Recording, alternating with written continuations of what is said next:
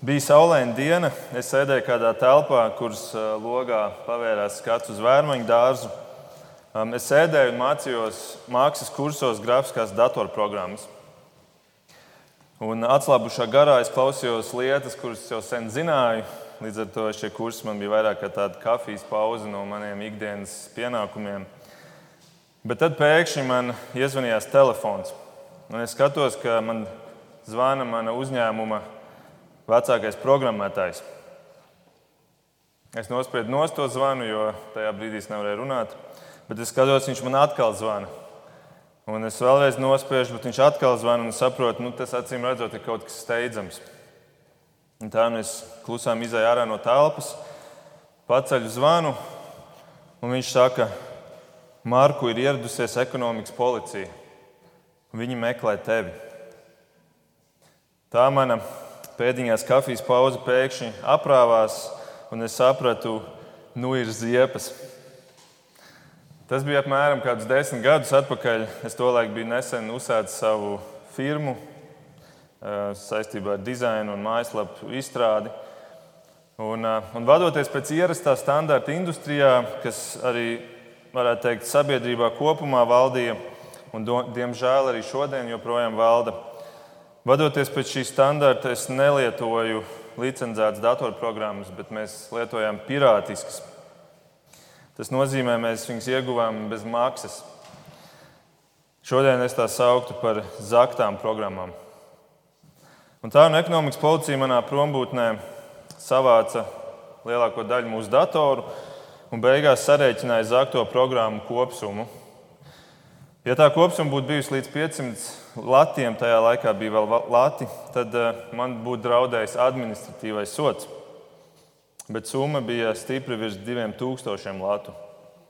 Un tā nu todien es oficiāli kļuvu par kriminālu noziedznieku un eh, pret mani ierosināja kriminālu lietu.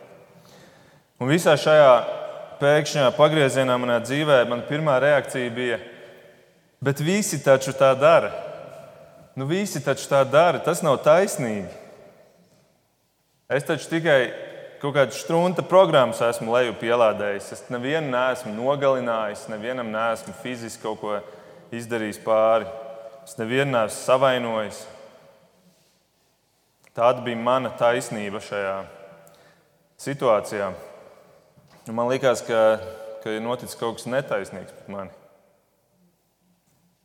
Un es sāku apzināties, ka šis ir ļoti nopietns. Šis iespējams ir nopietnākais brīdis manā dzīvē līdz šim.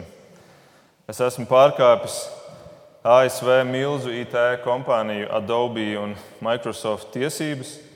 Es esmu pārkāpis Latvijas likumus, un uh, viņiem, diemžēl, neinteresē mana iedomātā taisnība šajā jautājumā. Un līdz ar to man nav nekādu izredzu. Ja man būtu jāstājas tiesas priekšā, man nebūtu nekādu izredzu. Un es apzinājos, ka es esmu dziļi mēslos. Likums stāvēja manā priekšā, skatījās man acīs un teica, man ir taisnība.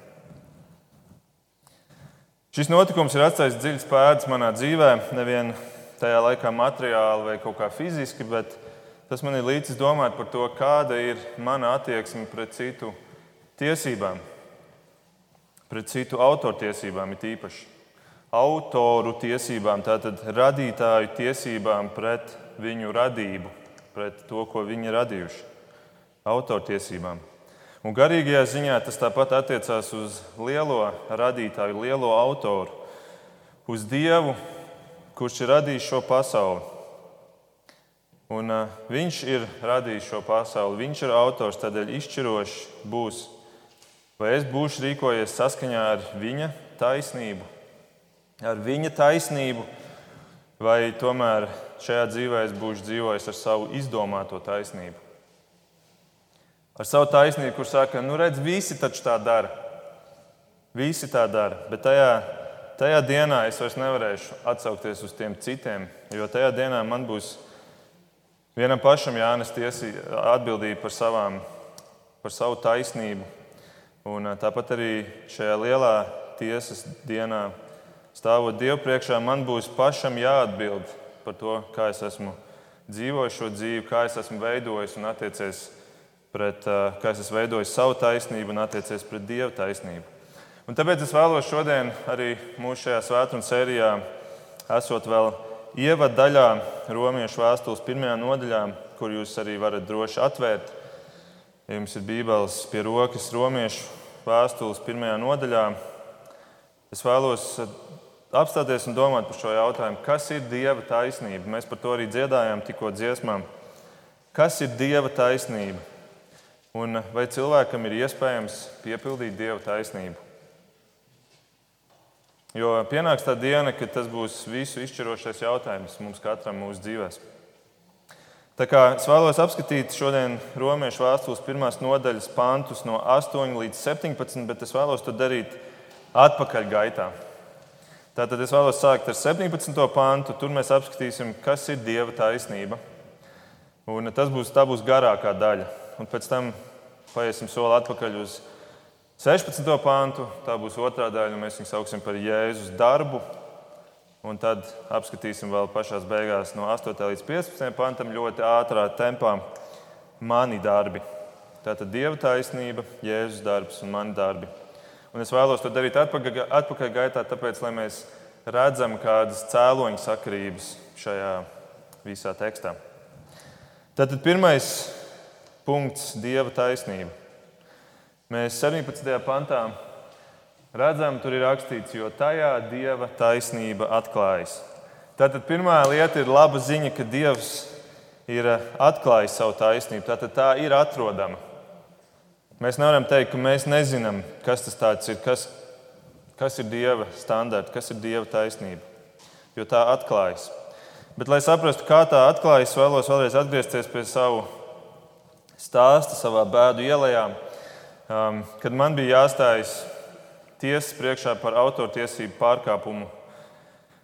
Un uh, šajā tiesā, varētu teikt, tā, es biju tas apsūdzētais, Tad šīs lielās kompānijas un Latvijas valsts bija apsūdzētāji, bet Latvijas likumdošana bija tā mēraukla, pēc kuras noteica, kuram ir taisnība. Es zinu, ka mums te ir kādi juristi, topošie juristi zālē, tāpēc es uzsveru, ka šis ir ļoti vienkāršot, lai man neviens nepiesienās vēlāk. Bet, bet apmēram tā izskatījās tā situācija. Tātad Latvijas likumdošana bija tā, kur noteica, kuram būs taisnība. Markuma taisnība. Markuma arguments ir, visi tā dara, kas, starp citu, nemaz nav patiesība. Bet tas būtu bijis Markus arguments tajā dienā. Vai tomēr taisnība ir Adobe, Microsoftam Latvijas valstī, kuru arguments ir, ka likums tā saka? Kad mēs stāvēsim Dieva tiesas priekšā, situācija būs līdzīga. Tur būsim mēs, cilvēki, kas būs tie apsūdzētie.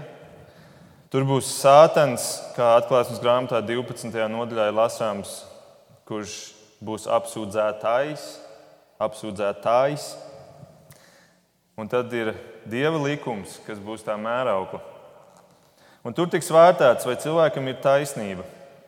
Taisnība nozīmē, ka, tev, ka tu esi taisns likuma priekšā, tu esi izpildījis likuma prasības, ka tev ir, ka tev ir taisnība, ka tu esi pareizi darījis. Un, diemžēl Bībelē saka, ka nav neviena taisna, neviena paša. Romiešu vēstules trešajā nodaļā. Nav neviena taisna, tātad šajā likumā neviens cilvēks nevarēs apgalvot vai pierādīt, ka viņam ir taisnība. Un tomēr cilvēki, tu un es, iespējams, ja mēs tajā dienā stāvētu šajā tiesā, mēs pie sevis nodomātu un iekšēji nopūstos, cik labi, ka likumdevējs ir Dievs.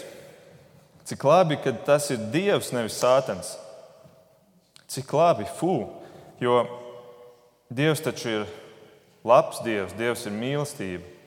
Tas ir Dieva likums, nevis Sātana likums. Un Dievs ir labs Dievs, Viņš taču ir žēlīgs Dievs, Viņš ir Mīlestība pats iemieso mīlestību. Tā tad man ir izredzes izprukt. Un tomēr tajā brīdī, iespējams, daudz skaidrāk nekā šodien, pat lielākiem teologam, acis atvērsies to dienu. un ar šausmām mēs ieraudzīsim, kāds ir Dieva likums. Mēs ar šausmām ieraudzīsim, kāds ir Dieva likums, cik tas ir pilnīgs. Tas ir bez neviena caurumiņa, bez nevienas izprukšanas iespējas, bez nevienas apžēlošanas iespējas, cik tas ir nežēlīgi taisnīgs. Dieva tiesā neuzskaitīs tikai tavus lielākos darbus, vai precīzāk sakot, nedarbus. Manā gadījumā, šajā manā pieredzē, cik es saprotu, man pat tika pievērts acis, jo vienam programmētājam tika atrasts datorā cietais disks 500 gigabaitu apjomā pilns ar pirātiskām filmām.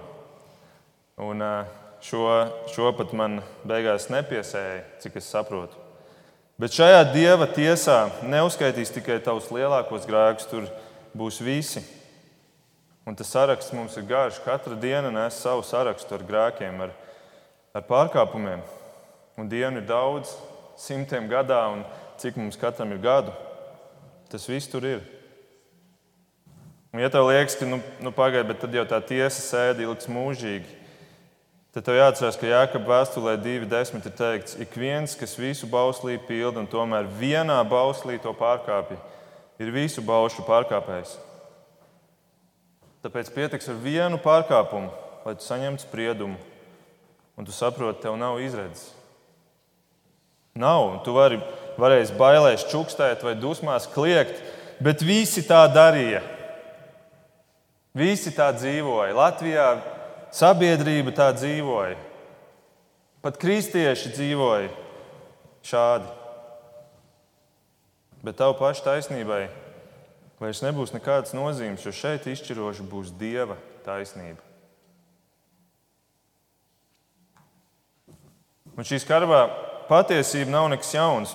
To cilvēku apzinājās jau pirms tūkstošiem gadu, dažādās kultūrās un ērās. Un Un tādēļ cilvēks sāk strādāt pie plāna, kā izpildīt šo dieva taisnību, kā piepildīt dieva taisnību, kā sagatavoties šai dienai, kā uzkrāt labus darbus, lai dotu tos kā pretargumentus tiesā, tad, kad man, pret mani tiks celti visi šie pārkāpumi. Kā rūpēties par to, lai šis pārkāpums saraksts būtu pēc iespējas īsāks. Un tādā veidā ir tapušas reliģijas. Ziniet, visas pasaules reliģijas šādā veidā ir tapušas. Visas pasaules reliģijas ir balstītas uz principu, dari labus darbus, lai tu būtu gatavs sastapt Dievu. To jau mēs visi zinām, bet um, iespējams mēs varam pat iet vēl soli tālāk un teikt, pat tie, kuri netic Dievam, ateisti, viņi dara tieši to pašu. Viņi to tikai dara savam dievam ar D, mazo D burtu, sev pašam. Viņi paši sev ir dievs. Un viņi dara to sev pašam, savai miesai, dara labus darbus, lai apmierinātu savu miesu, jo citādi nav miera.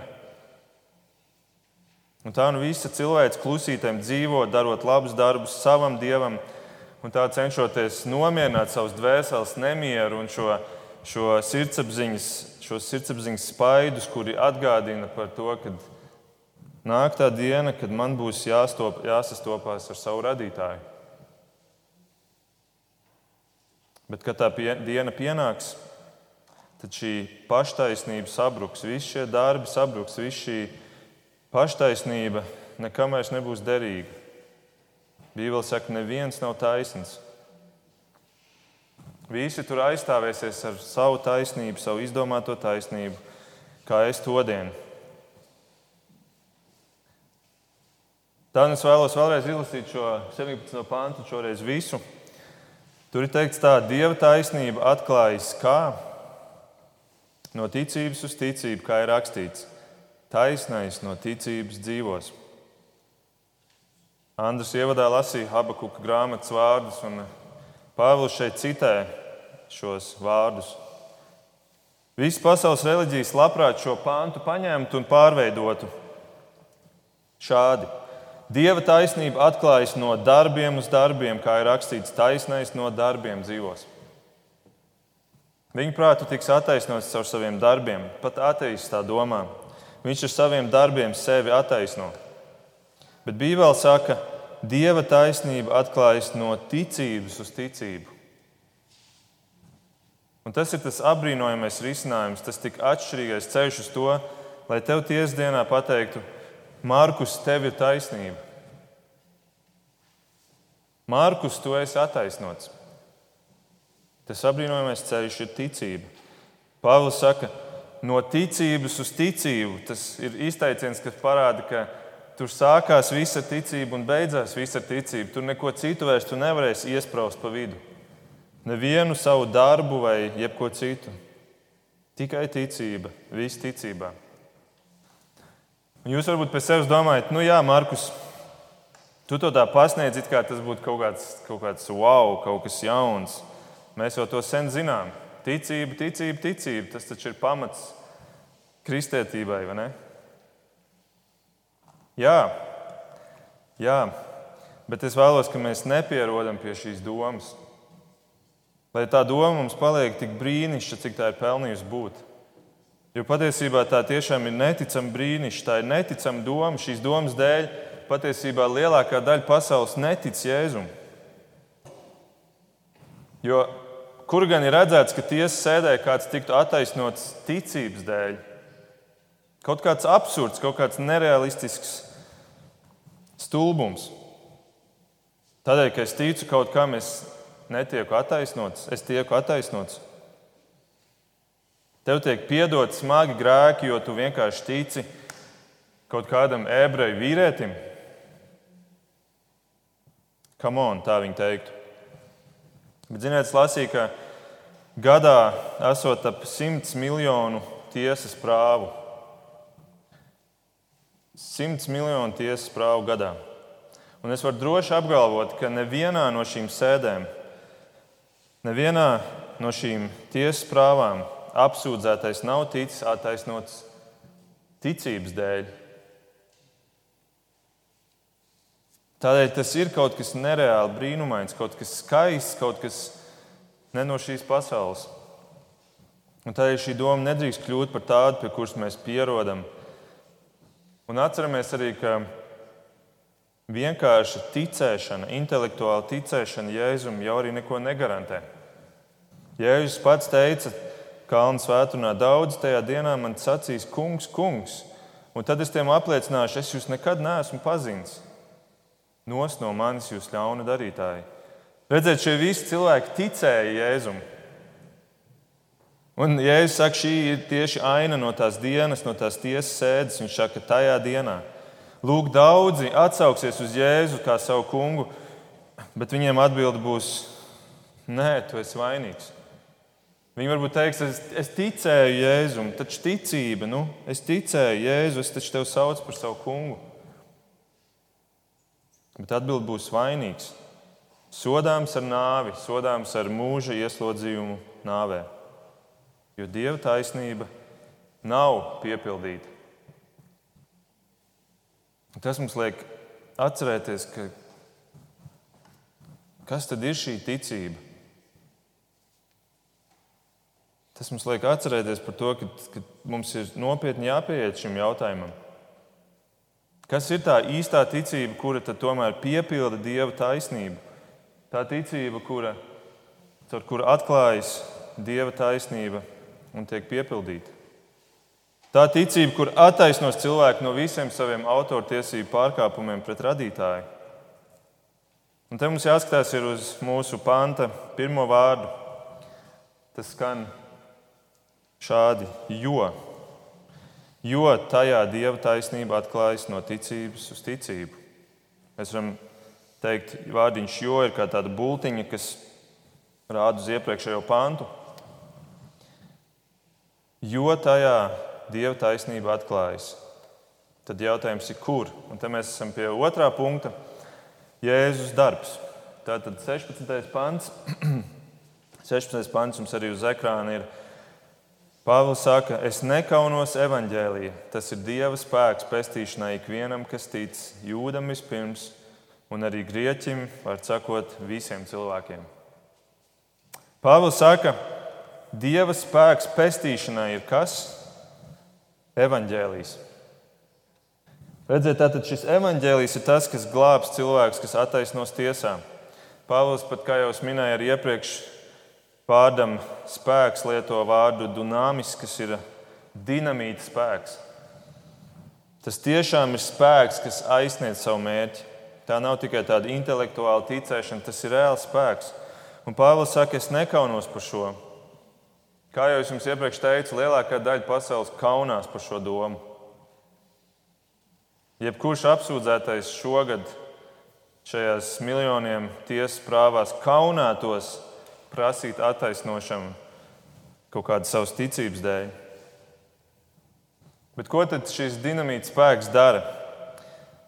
Kā tad tas spēks ticībā attaisno apsūdzēto? Kā cilvēks saka, tas evaņģēlijas spēks ir kā tāda superspēcīga dzēžgumija. Ar to tiek izdzēsts tavs pārkāpumu saraksts. Tavs parādraksts tiek izdzēsts. Un arī es ar šādu domu uzaugu. Bet man ātri vien bija jādomā, kā tas notiek. Es grēkoju, un viena pildspāla raksta man pārkāpumu, un, un, un cits, cita roka dzēžgumī uzreiz viņu dzēš. Vai varbūt dzēš ar, ar kādu laiku nobīdi. Nu, tas taču nav droši. Ja nu tur paliek kāds burts, ja nu tur paliek kāds vārds, neizdzēsts. Ja es nepaspēju lūgt atdošanu Dievam par to grēku, un es nomirstu pa vidu, kādā ziņā neizklausās pēc dinamīta spēka, ir jābūt kādam spēcīgākam risinājumam, ir jābūt kādai garantijai. Un labā ziņa ir, ir tāda garantija. Tas dinamīta spēks nav dzēžgumija.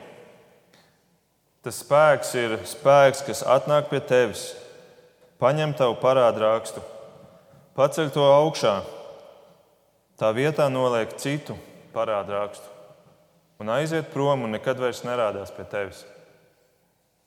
Tāds ir šis spēks. Un šis tiesnesis šķirsta šo tavu jauno parādu rakstu. Un viņš skatās, ka pirmā lapus ir tukša un otrā ir tukša. Un Visas pārējās ir tukšas.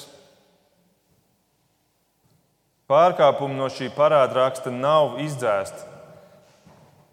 Tie tur nekad nav bijuši. Tas vienmēr ir bijis tukšs. Jo tas ir Jēzus parādraksts. Nevis izdzēsts, bet vienmēr bijis tukšs. Tā ir Jēzus dzīve, kas ir nodzīvota, pilnīgi svēta, Bībeli saka, ka viņš grēku nav darījis, nedz viltus ir skanējis no viņa mutes.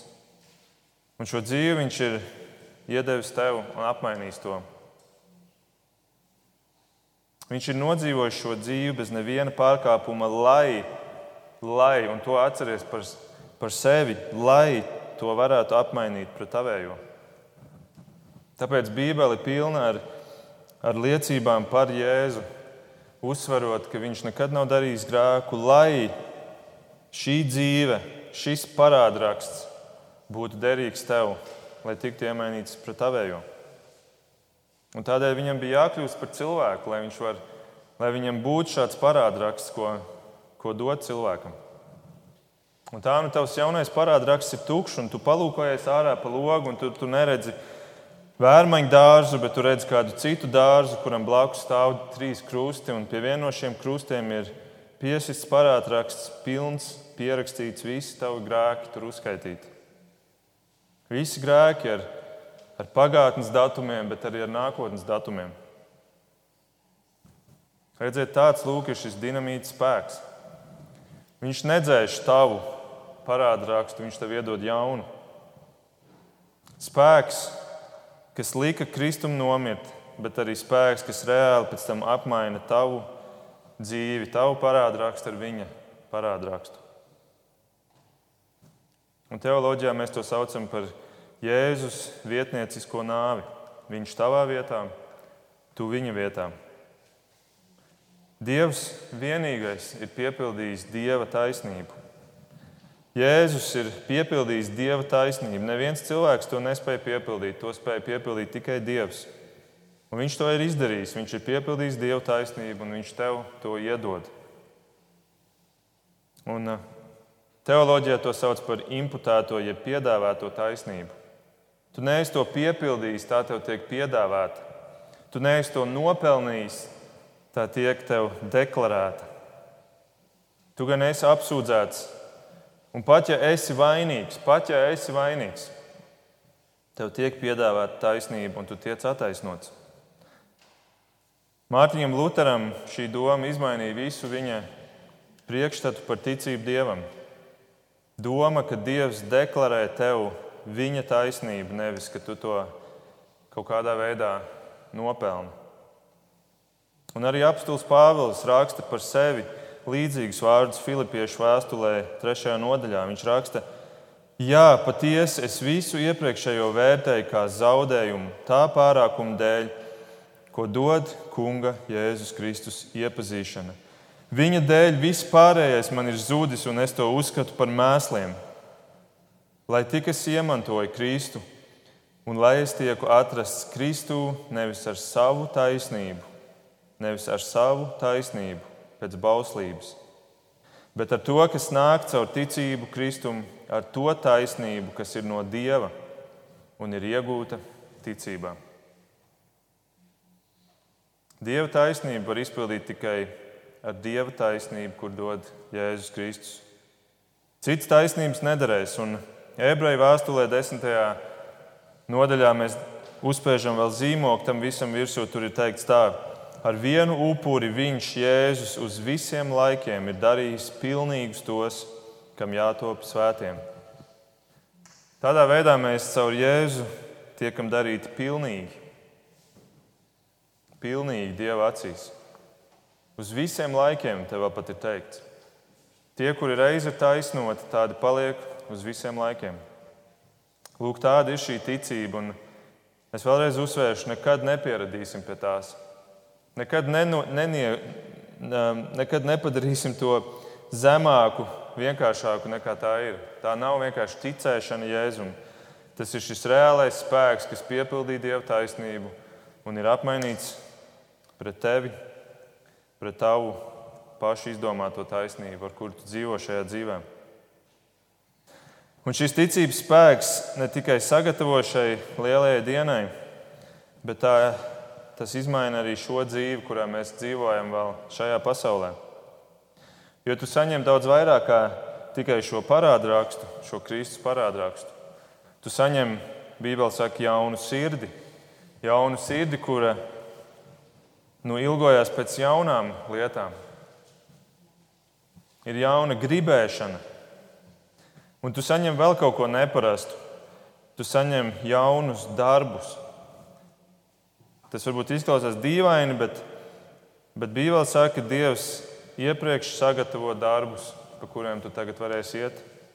Efeziešiem divi teikts, Mēs paši esam viņa darinājums, Kristu Jēzu, radīti labiem darbiem, kurus Dievs iepriekš ir sagatavojis, lai mēs tajos dzīvotu. Un tā nu šodien, noslēdzot ar šo trešo daļu, ar maniem darbiem, es vēlos parādīt caur Pāvila piemēru, kā Pāvils atklāja viņa jauno sirdi, kur ir Kristus taisnot. Viņš ir saņēmis šo, šo dieva taisnību, viņš ir taisnots un šī jaunā sirds ved uz labiem darbiem. Un tas ir arī labs un praktisks atgādinājums mums katram, ar kuru mēs varam pārbaudīt savas dzīves. Pavisam ātri vēlos iziet cauri no 8. līdz 16. pantam un izcelt darbības vārdus, kuri parāda, kādi ir šie jaunie darbi šim, šim jaunam cilvēkam. 8. pantā mēs lasām, Vispirms es pateicos savam Dievam caur Jēzu Kristu. Kristiešu labie darbi, pirmā lieta, ko var teikt, ir, viņi ir pateicīgi. Viņi ir pateicīgi, vai ne? Ja tu esi šādi sastaps Kristu, tu esi visu viņu dzīvi saņēmis sev. Tur nevar būt mazas pateicības. Tur ir jābūt cilvēkam, ir jāplūst pāri no pateicības. Tā ir dāvana, ko viņš ir saņēmis. Tie nav viņa nopelni. Viņš tiesu sēdē tiek deklarēts attaisnots. Viņš būs pateicīgs. Un arī mēs to mācām saviem dēliem. Mācīties būt pateicīgiem, un arī šodien mēs dzirdējām Mārtas liecību, par dažādām sezonām. Mēs visur varam, visās sezonās būt pateicīgi. Un, un tā ir atslēga arī patiesi laimīgai dzīvei, jo pateicīgs nabaks būs laimīgāks par nepateicīgu miljonāru. Cik pateicīgs es esmu, ko mana dzīve rāda. Un tad astotais pāns saka tālāk par jums visiem, ka jūsu ticība tiek daudzināta visā pasaulē. Tātad ticība tiek daudzināta pasaulē. Kristieša ticība būs apkārtējiem redzama. Tā nebūs kaut kāda slēpta ticība, individuāli izdzīvota ticība. Es neeju uz draugu un, un es nestāstu apkārtējiem, ka es ticu Jēzum. Pāvils saka, ka ticība tiek daudzināta pasaulē. Cik mana ticība ir redzama apkārtējiem cilvēkiem? Labs jautājums, ko mēs varam uzdot sev, lai pārbaudītu. Devītais pants - Dievs viņam ar savu garu kalpoju caur viņa dēla evaņģēliju.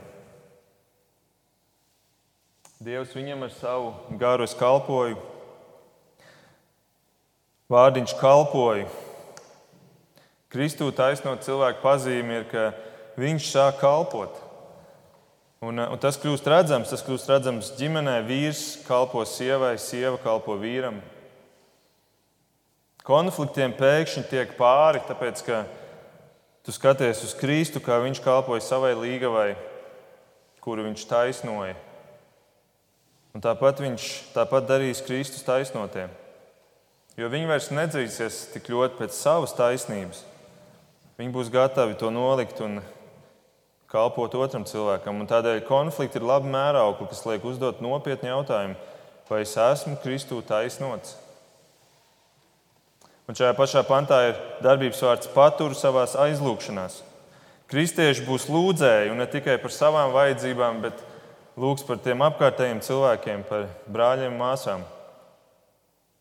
Par ko mana lūgšanas dzīve liecina?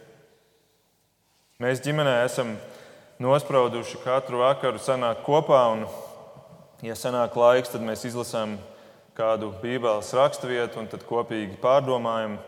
Bet galvenais ir, ka mēs noslēdzam šo dienu kopīgi lūgšanā. Un, un tas var būt labs sākums arī bērnu lūgšanas dzīvē, kad viņi augs lielāki, kad viņiem mācīs to jau no bērna kājas. Desmitajā pantā Pāvils saka, vienmēr lūgdams, lai pēc dieva prāta pašķirtos mani ceļi atnāk pie jums. Kristu taisnotais meklēs sadraudzību ar citiem kristiešiem. Un tad tas jautājums ir, vai tu ilgojies pēc sadraudzības ar kristiešiem, vai tu ilgojies pēc draudzes? 11. pantā Pāvils turpina: Es ilgojos jūs redzēt, viņš vēlreiz šo uzsver. Es ilgojos jūs redzēt, lai ar jums dalītos kādā gara dāvanā jums par stiprinājumu. Ilgojos redzēt un dalīties gara dāvanā. Kristu taisnotais vēlas būt sadraudzībā galvenokārt nevis sevis dēļ, bet lai dalītos ar gara dāvanu citiem par stiprinājumu. Kā tu lieto savas gara dāvanas? Vai tu lieto tās? Un 12. pantā Pāvils turpina, lai mēs kopīgi gūtu iepriecinājumu cits cita ticībām jūsu un manā ticībā. Un tad 13. pantā viņš vēl piemin, kā arī gūt kādu augli pie jums. Tātad šeit mēs redzam gūt iepriecinājumu ticībā un gūt kādu augli pie jums. Kristū taisnotiem lielākie iepriecinājumi dzīvē būs saistīti ar ticību. To ticību, to lielo varano ticību, kur ir vedusi pie šīs taisnošanas. Daudz vairāk nekā prieks par laicīgām lietām? Vai tev ir prieks, ka tu vari šodien būt dievkalpojumā, domāt par, par savu kungu Jēzu šobrīd? Es zinu, ka ilgi jau sēdi un klausies manī, bet šī svētdiena iet uz beigām. Vai tev ir prieks būt šeit? Un 14. pantā Es esmu parādnieks gan grieķiem, gan barbariem, tik labi gudriem, kā nesaprātīgiem. Pāvils saka, es esmu parādnieks. Kristu taisnoties vienmēr atcerēsies par šo savu parādu rakstu, šo pilno parādu rakstu, kur Kristus paņēma sev un par kuru samaksāja ar savām asinīm. Tas nevar nepadarīt pazemīgu cilvēku un darbīgu. Cilvēku darbīgu, negribot vēlēt izniekot šos, šo Kristus izpirkto dzīvi. Un tāpēc tu atcerēsies to, to parādu, kur Kristus ir paņēmis. Kā tu attiecies pret savu parādu, pret savu grēku? Kā tu attiecies vispār pret grēku? Vai tu skaties savā ikdienā un centies būt uzmanīgs par to, vērīgs? Vai tu skaties, kur tu liec savu kāju? Vai tu skaties, kā tas, ko tu dari, var ietekmēt citus cilvēkus? Un 15. pantā Tādēļ es degu nepacietībā sludināt evaņģēlīju arī jums, kas esat Romā. Pēdējais darbības vārds - es degu nepacietībā sludināt. Kristu taisnotais vienā vai citā veidā gribēs sludināt evaņģēlīju. Evaņģēlīja, kas ir labās ziņas, labā vēsts. Kā es sludinu Kristus evaņģēlīju? Un tā nu todien, kad mēs stāvēsim savu radītāju priekšā, Vai viņš varēs mums teikt, tev ir taisnība, tev ir taisnība, tu esi pilnīgs, jo tu nesi Kristus taisnību sevī. Un tava dzīve to ir apliecinājusi ar darbiem. Tu dzīvoji pateicībā, tu ļāvi pasaulē daudzināt savu ticību, tu biji gatavs kalpot, tu paturēji citus savā aizlūgšanās, tu gaidīji iespēju tikties ar viņiem. Tu dalījies gara dāvanās, tu guvi iepriecu citu ticībā, un tu baudīji gara augli. Tu nekad neaizmirsi šo parādu rakstu, kuru mans dēls ir paņēmis no tevis, un tu vienmēr biji gatavs sludināt evaņģēlīju. Tāpat kā Pāvils, tu nekaunējies mana evaņģēlīja dēļ. Taisnais, tu tiešām dzīvoji no ticības uz ticību.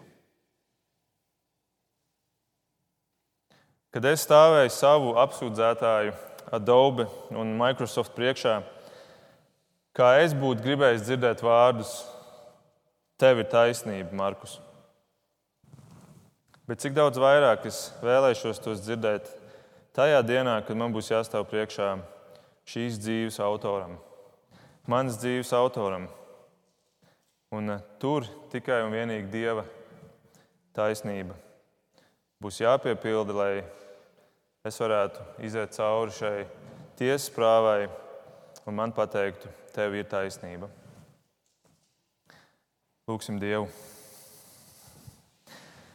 Tu lielais, varenais Dievs, tu, kurš esi mīlestība, kurš esi žēlsirdība bet kurš esi arī svētums un taisnība un taisnīgums, kurš esi pilnīgs.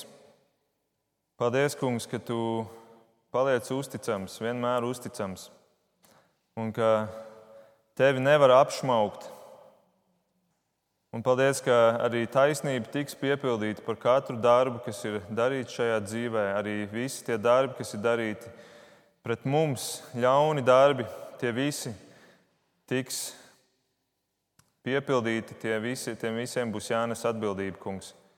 Paldies, ka tu esi taisnīgs Dievs, bet paldies, ka tu esi arī žēlīgs Dievs un ka tu esi devis risinājumu, ka tu esi sūtījis savu dēlu, kurš ir piepildījis šo tavu taisnību un tad devis to mums. Palīdz, kungs, ka mēs varam ņemt arī Pāvilu par savu priekšzīmu un pārbaudīt savas dzīves vai mūsu dzīves liecina par to, ka mēs esam attaisnoti tavā priekšā. Lūdzu, palīdz mums uz to, un tev, kungs, vienam ir gods un slava un pateicība. To lūdzam Jēzus vārdā. Amen.